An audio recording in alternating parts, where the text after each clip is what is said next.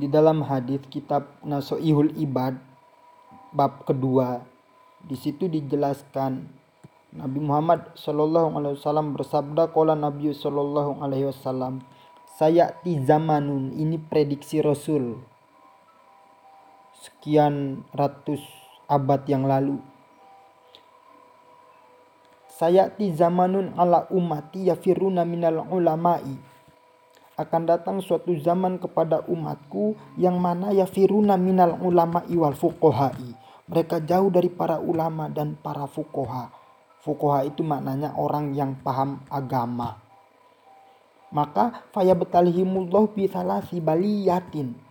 Oleh Allah dicoba dengan tiga balai. Mana ulaha yarfa'ullahul barokata min kasbihim. Allah akan cabut keberkahan dari usaha atau kasab mereka. Berkah-berkah itu maknanya ziyadatul khair. Tambah-tambahnya kebaikan. Wakila dalam satu kaul mengatakan berkah itu maknanya ziyadatu aniyat tongatilah, antongatilah. Tambahnya ketaatan kepada Allah. Harta banyak, jabatan tinggi, tapi dicabut keberkahan. Artinya apa? Tidak dipakai taat atau tidak dipakai ke jalan yang lebih baik. Hilang keberkahannya. Kemudian walaupun harta banyak tidak pernah merasa kepuasan. Itu sebab kenapa? Karena yafiruna minal ulama iwal fukoha. Jauh dari para ulama dan para fukoha. Itu satu. Yang nomor kedua wasaniyatu yusalitullahu ta'ala alaihim sultanang zoliman. Nomor kedua Allah Subhanahu wa taala akan menguasai alaihim kepada mereka sultanan zaliman penguasa, pemimpin, pemerintah yang zolim. Maknanya zolim itu mudahnya adalah menempati suatu bukan pada tempatnya. Hak rakyat dikorupsi. Nah itu itu akibat daripada umat atau rakyat yang yafiruna minal ulama iwal fukohai jauh dari para ulama dan para fukoha. Yang nomor ketiga ini yang naudzubillah wasali satu yakhrujuna minad dunya bigoir iman. Keluar dari dunia dengan tidak membawa iman. Artinya apa? Su'ul khotimah. Mati tidak membawa iman. Ini yang naudzubillah. Imam Ghazali itu mengategorikan hidup seseorang itu terbagi empat ada sang idun fid dunya wa sang idun fil akhirah. Ada sang idun fid dunya wa sakiyun fil akhirah. Ada sakiyun fid dunya wa sang idun fil akhirah. Ada sakiyun fid dunya wa sakiyun fil akhirah. Pertama sang idun fid dunya wa sang idun fid akhirah.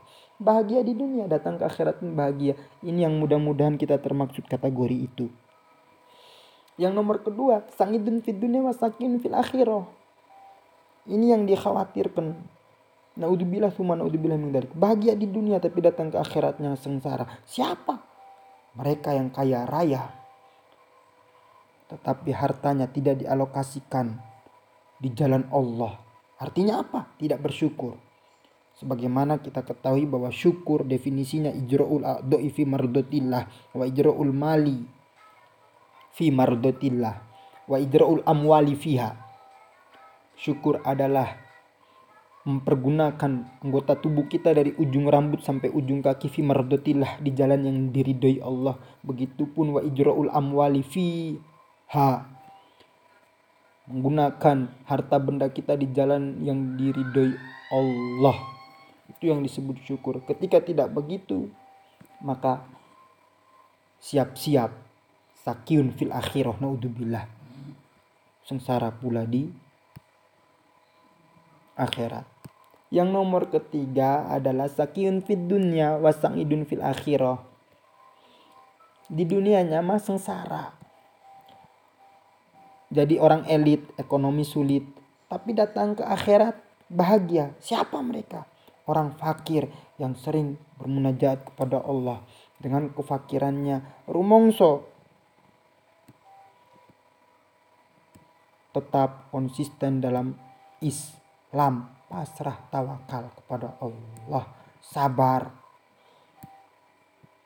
Nah yang nomor keempat adalah sakyun fid dunya wa sakyun fil akhirah. Wah ini yang bejat bejat. Naudzubillah ini. Sengsara di dunia datang ke akhirat pun sengsara. Udah mah miskin goblok. Lo kok nggak mau taat? Disuruh sholat nggak mau disuruh puasa nggak mau disuruh zakat nggak mau. Nah ini yang naudzubillah summa naudzubillah min dalik mudah-mudahan kita dapat mengamalkan ayat dan hadis yang sudah dipaparkan tadi. Apabila ada benarnya datangnya dari Allah apabila ada salahnya datangnya dari saya pribadi.